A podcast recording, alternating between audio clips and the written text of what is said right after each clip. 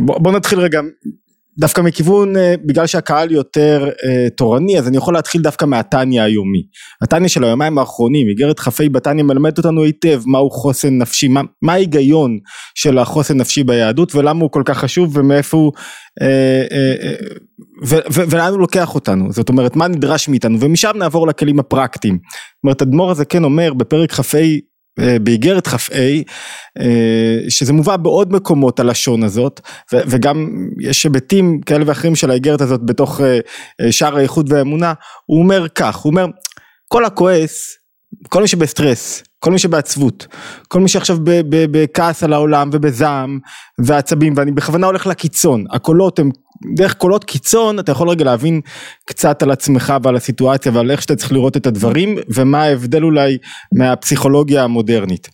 אז אדמו"ר הזה כן אומר כל הכועס הוא מצטט כאילו עובד עבודה זרה, הוא עכשיו מסביר את תורתו של הבעל שם טוב, הוא מסביר, הוא אומר צוואת רבי ישראל בעל שם טוב היא לא בדיוק הצוואה שלו, אבל כן זה לקט מאמרותיו, כן זה דברים מאוד אה, משמעותיים ממה שהוא אה, אה, ביקש להעביר לעולם ולהביא לעולם, הוא אומר כל הכועס זה העיקר, כל מי שלא שולט על עצמו מבחינה רגשית, כל מי שנותן לרגשות לשלוט בו, זה הפירוש, מאבד את החוסן הנפשי שלו בשפה המודרנית, בשפת אדמו"ר הזקן, עובד עבודה זרה, מה זאת אומרת? מסלק את הקדוש ברוך הוא מעולמו.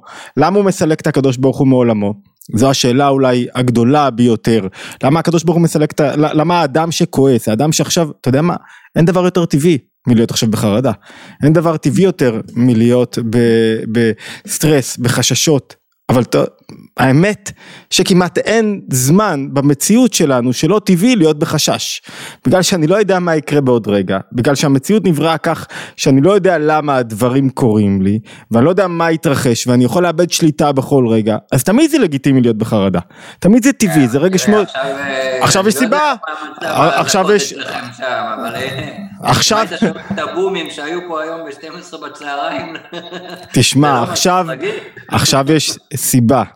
זה נכון, אתה יודע, אומר האדמו"ר עצם הצדק שהעבודה, כשיש סיבה או כשאין עבודה, היא הודע, העבודה היא אותה עבודה בדיוק. כשיש לך סיבה ממה לפחד וכשאין לך, ותכף נסביר רגע את ההיגיון, למה, מה ההבדל. אתה יודע, כל מי שבחרדה, הוא לא חושב שהסיבה שממנו הוא בחרדה היא לא אמיתית. למרות שבשכל הוא מבין שהיא לא אמיתית, הוא בטוח שהיא אמיתית. הוא בטוח שבאמת הכלכלה הולכת לקרוס, שהוא הולך להפסיד, שהוא לא יצליח, שהוא לא יתחתן, שהגוף שלו פגום, שכל סיבות החרדה האפשריות שהילדים שלו לא יצליחו, שיקרה משהו לבן שלו, לבת שלו, הוא בטוח שדברים אמיתיים. זאת אומרת, הרגש של החרדה, בכלל רגשות, לא משתכנעים מדברים שהם חושבים שהם לא אמיתיים. אז, אז אם הסיבה היא אמיתית, כאילו, היא על אחת כמה וכמה דרך נבהר את זה דרך רגע להתמודד עם מה זאת הסיבה האמיתית. אז, אז אדמו"ר הזה כן מתחיל להסביר שכולם מכירים את זה, אני מניח מי שלומד פוטניה מכיר את זה שדוד המלך הולך, הוא בורח, הוא בגיל 70, הוא בורח מפני אבשלום, הבן שלו שמורד בו ואז שמי בן גרה, אה, בן משפחת שאול, מקלל אותו ו, ו, ו, ו, והוא מונע את ההרג של שמי בן גרה ואומר לו, הקדוש ברוך הוא אמר לו לקלל. זאת אומרת, מה התפיסה הטוטלית של אה, תורת הנפש ביהדות ושל החסידות? זה שהבורא מהווה ובורא ומחיה בכל רגע את המציאות.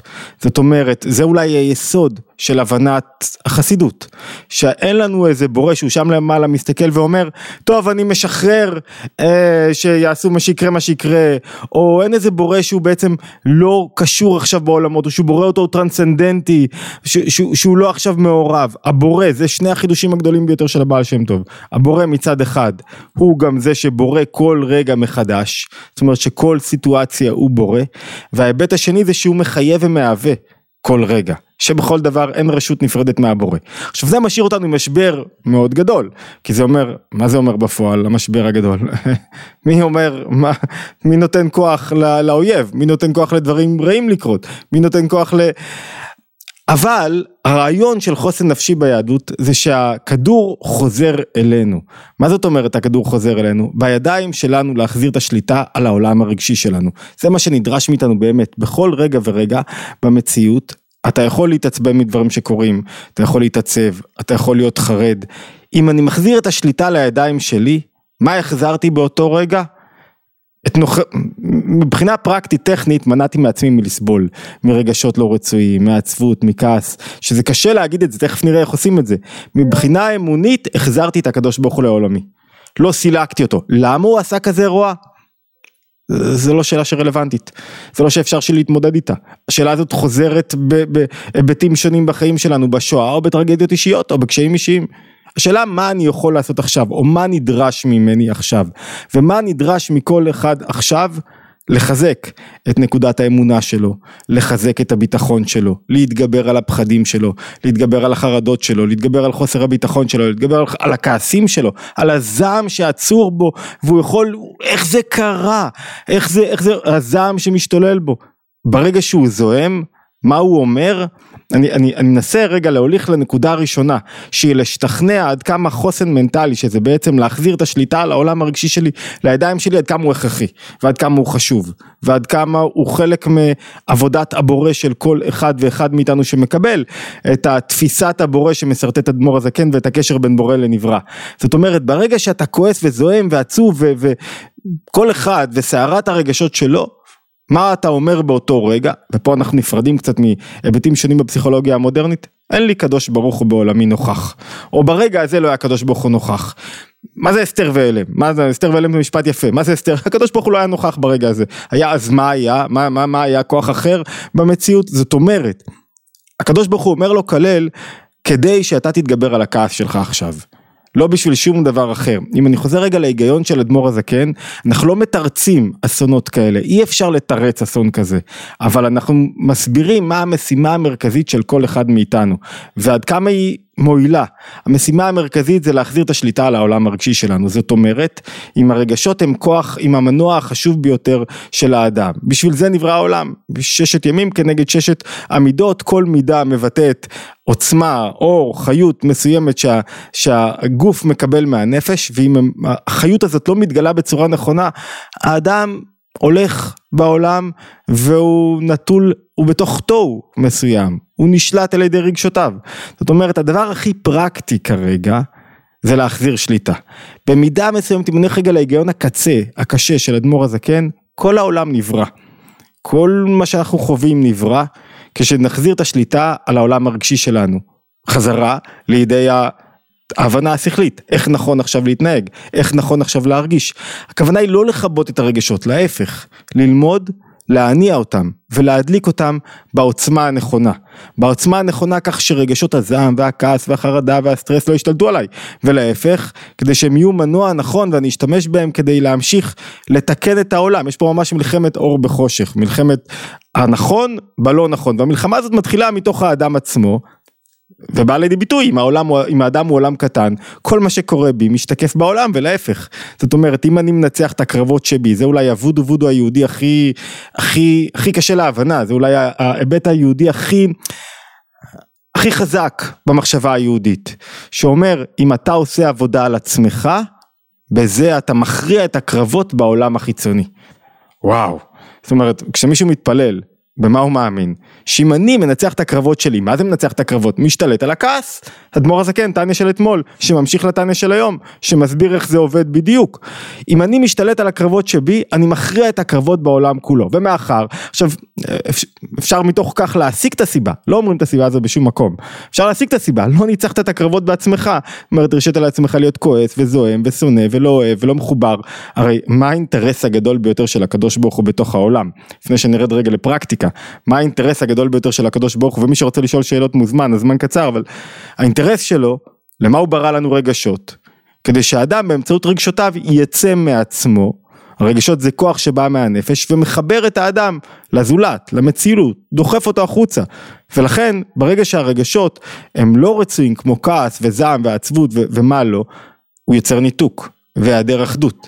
והביטוי הגדול ביותר של הבורא בעולמנו זה מה? זה אחדות וחיבור בין, בין ילדיו, בין ברואיו.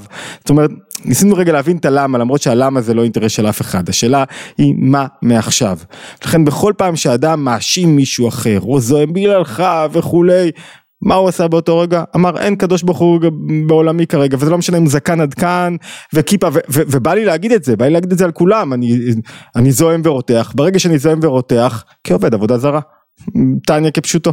ולכן האתגר הגדול והאינטרס הגדול של כל אחד זה לחזור ולשלוט, יותר מאשר לשלוט. הרבי אומר את זה כמה פעמים, כשיוצאים לקרב, ואני מזכיר לכם, איבדנו 1200 אחים ואחיות לפני שלושה ימים, ביום שבת, טירוף. הרבי יצא חמש שנים אחרי שהוא איבד שישה מיליון. ו- ו- ומתוך השישה מיליון אני לא יודע כמה הייתה מנתה קהילת אני מניח שרוב הקהילה פה היא חסידית או, או זה די אתה יודע יש לך מאה אנשים פה ואין אה, חלון אחד פתוח מי שבא לו לפתוח חלון אז הוא מוזמן שנראה קצת את החבר'ה מה ש- שנראה למי אנחנו מדברים. אז הרבי כמה שנים שנים בודדות אחרי השואה שנרצחו שישה מיליון יהודים ומתוכם אני יודע נזרוק מאה אלף חסידים ש, שכולם היו אני, אני מניח שפחות אבל אבל מספר מאה אלף חסידים שהוא הכיר משפחות גדולות נרצחו כאילו טבח הכי גדול הכי קשה שאפשר לחשוב עליו. מה הוא אומר? מה אומר הרבי הרייץ? העולם זה גן. איך הוא מסכם את חייו הרבי יוסף יצחק העולם הוא גן ולא עולם של תופת ורוע ושקר. זה בדיוק ההיגיון של אדמו"ר הזקן. מה הרבי אומר? אי אפשר לצאת לניצחון בלי מרש בלי אמונה בצדקת הדרך. מה אדמו"ר הזקן אומר בפרק כ"ו בתניא? שחייבים כדי לנצח גם אם אתה חזק ויש לך כלי נשק רבים אתה לא יכול לנצח בעצבות ועצלות שמובילים אותך למטה. אתה לא יכול. לכן במידה רבה חוסן מנטלי שאנחנו קוראים לו כך זה לא איזשהו עניין צדדי כדי שנוכל לתפקד טוב יותר. זה לא איזה עניין נוסף כדי שאני אוכל בעצם אה, לחזק את החיילים שלי ולקום בבוקר ושהילדים שלי לא ידבקו בחרדות. זה הרווחים המיידיים וכדי שאני אוכל ללכת לעבודה ולעשות דברים זה הרווח המיידי. אבל העניין המרכזי הוא זה זה תכלית עבודת השם. זה, זה תכלית הבריאה של האדם בעולם. כאילו ברוכים הבאים, הגענו עכשיו לתכלית הבריאה, זאת אומרת חוסן מנטלי זה לא כלי כדי להשיג משהו אחר, זה התכלית. ו- ומול קהל שלומד טניה, אני מניח שמי שכאן לומד טניה, אפשר להגיד את זה, קשה להגיד את זה בחוץ, כי, כי להגיד שהתכלית זה עבודה על, על הכעס שלי ועל החרדה שלי ועל העצבות שלי, תודה אלונה שפתח מצלמה, כיף גדול. להגיד את זה, זה, זה כאילו לפעמים מישהו אומר לך רגע, אני מבין למה אני לא צריכה להיות בסטרס כדי לא למלא את הבית שלי בסטרס ובחרדות, אני, אני מבין את זה, אבל להיות בסטרס, לא להיות בסטרס כי זה העניין שלי, כי זה עבודת השם שלי, זה קשה לי לתפוס, כי זה, כי זה התכלית שלשמה באתי לעולם, לא פחות מזה. אני, אם היה לי זמן הייתי מביא עוד לא מעט מקורות, הזמן שלי כל כך מוגבל, אבל זה התכלית שלשמה באת בעולם. עכשיו אם אתה מצליח לעשות את זה, הפצת כלשונו של אדמו"ר הזקן את יוקר הקדוש ברוך הוא בכל העולמות. וואו, עכשיו אנחנו מבינים עד כמה מה שאנחנו קוראים לו חוסן מנטלי, שזה העברת השליטה על הרגשות שרוצים לשלוט בי, של כל הרגשות שתיארנו, הזעם והכעס והעצבות, העברת השליטה חזרה לידיים שלי, להחזיר את המפתח לידיים שלי, לעבור ממצב של בו אני מושפע ונשלט על ידי הסביבה והמציאות והחיצוניות, ותחשבו על דוד המלך, הוא המלך, הוא המלך, הוא בן 70, פתאום איזה ילד שלו מורד בו, מסלק אותו מירושלים, תחשבו, תחשבו על הטרגדיה, והיו שם מלא רציחות ובלאגנים ועניינים, תחשבו על הטרגדיה, אני מניח שיותר מ-1200, וואו, עכשיו מי שמקלל אותו והוא מת להרוג אותו, אומר לו לא, שלחו אותו לקלל. אוקיי, עכשיו שלמה המלך אחרי שלוש שנים אה, הורג אותו, נותן לו איזה תנאי לא לצאת מירושלים ובסוף נסגר איתו החשבון, כאילו, אבל, אבל הנקודה המרכזית היא ש, שתכלית העבודה היא לוודא שאתה קולט שכל דבר במציאות הוא מדויק עבורך. והוא מדויק במובן שהוא לא מתוקן כדי שאתה תתקן אותו. ומכאן אולי בעשר דקות שיש לי 12 דקות בואו נעבור קצת לפרקטיקה. מה נדרש מאיתנו? איך, איך העבודה הזאת מתבצעת? איך היא עובדת דרך כל כוחות הנפש? זאת אומרת אמרנו שהתכלית והיא לא תכלית רגעית היא לא רק מטרה שימושית כדי שיהיה לנו שנוכל לעבור את התקופה הזאת ולהתמודד איתה. היא העניין שלנו. ומי שיתאמן כל השנה כל השנים מגיע לתקופה הזאת יותר חזק מנטלית, יותר חזק רגשית, יודע יותר לשלוט ברגשות שלו, הוא לא עמוס פחדים ו- וכעסים, והוא יש לו, הם עולים בו, הוא יודע לנווט אותם נכון, ולהוציא מהם את האנרגיה הנכונה, הוא לא מתעלם מהם, הוא יודע להפוך אותם לכוח מניע גדול, לעומת זאת, אם, אם הזנחת את עצמך מבחינה רגשית כל השנים, זה עכשיו קריאה גדולה. אולי נצא מהאסון הגדול והקשה והכואב הזה לתקופה מחוזקת יותר. אולי תצא ממנה לתקופה שבה כל אחד עובד על עצמו שהיא חלק מתכלית הבריאה עובד על עצמו משתפר ממילא נהיה לנו חברה קהילה מדינה עם שהוא חזק יותר ו- ובריא יותר ועובד נכון יותר ו- תופעות כמו של היעדר אחדות באופן הנורא שהתגלו בשנה, שנתיים האחרונות, ייעלמו מחיינו. טוב אז בואו נתקדם קצת לפרקטיקה לאיך. יש כמה היבטים, כל ההיבטים של עבודה על חוסן נפשי קשורים בכוחות הנפש השונים. עכשיו כל פעם שמשרטטים מודל, אז, אז, אז הרעיון של מודל הוא לפרק רגע את כוחות הנפש ולהתבונן בכוח מסוים ובעבודה שבו. מדי פעם צריך לעשות זום אאוט, להסתכל על כל הכוחות ולהבין שזה לא רק עבודה נקודתית, יש עוד מגוון היבטים, כי סך הכל הנפש היא דבר איולי, שלם, נכון שהיא מגלה כוחות שנים, אבל היא דבר איולי שלם, ו, ובתוך הגילויים האלה צריך לזכור את התמונה הכללית כל הזמן. אז בואו נתפוס כמה רעיונות, אחד מהם שהוא מאוד ידוע, דיברתי עליו המון פעמים והוא מאוד חשוב עדיין, להחזיר שליטה על המחשבות. להחזיר שליטה על המחשבות, זה, זה מי שלא מכיר, בטח נדב, הרב נדב דיבר איתכם על זה לא מעט פעמים, וכל מי שמכיר, זה, זה, זה עניין מאוד יסודי, אומר הרבי, הראייה עצמי שלא שולט במחשבות שלו, לא שולט בבריאות הרגשית שלו, ואין סיכוי שמי שמסביבו לא ישלם מחיר רגשי. אין דבר כזה שהוא לא ישלם מחיר רגשי. למה? כי דרך השליטה על המחשבות, שהם לבוש לנפש, במה אני שולט? ברגשות שלי. עכשיו זה עניין ש, ש, שהוא טכני, פרקטי, רק מה הוא דורש אימון, אמונה שאני יכול, וכמה צעדים יסודיים. אני, אני לא אשטח אותו עכשיו, עכשיו את העבודה על המחשבות, אני רק אציין את זה. היבט אחד זה להחליט היטב על מה אני לא חושב, על מה אני כן חושב, למה אני לא חושב על דברים מסוימים, כי הם מזינים, הם, הם מזינים את הרגשות הלא רצויים, נותנים בעצם ביטוי לרגשות הלא רצויים להתפשט לי במחשבה. ואז אומר אדמו"ר הזה כן ענש שהמחשבות הן רק לבוש, הם כאילו אין להם תוכן משל עצמם, הם כאילו לא חשובים, אבל גדלה מעלתם עד אין קץ, כי דרכם אנחנו יכולים לבצע את העבודה של תוכן, של עבודה מנטלית, זה ממש סיבוטי מודרני בכלים מלפני 250-300 שנה.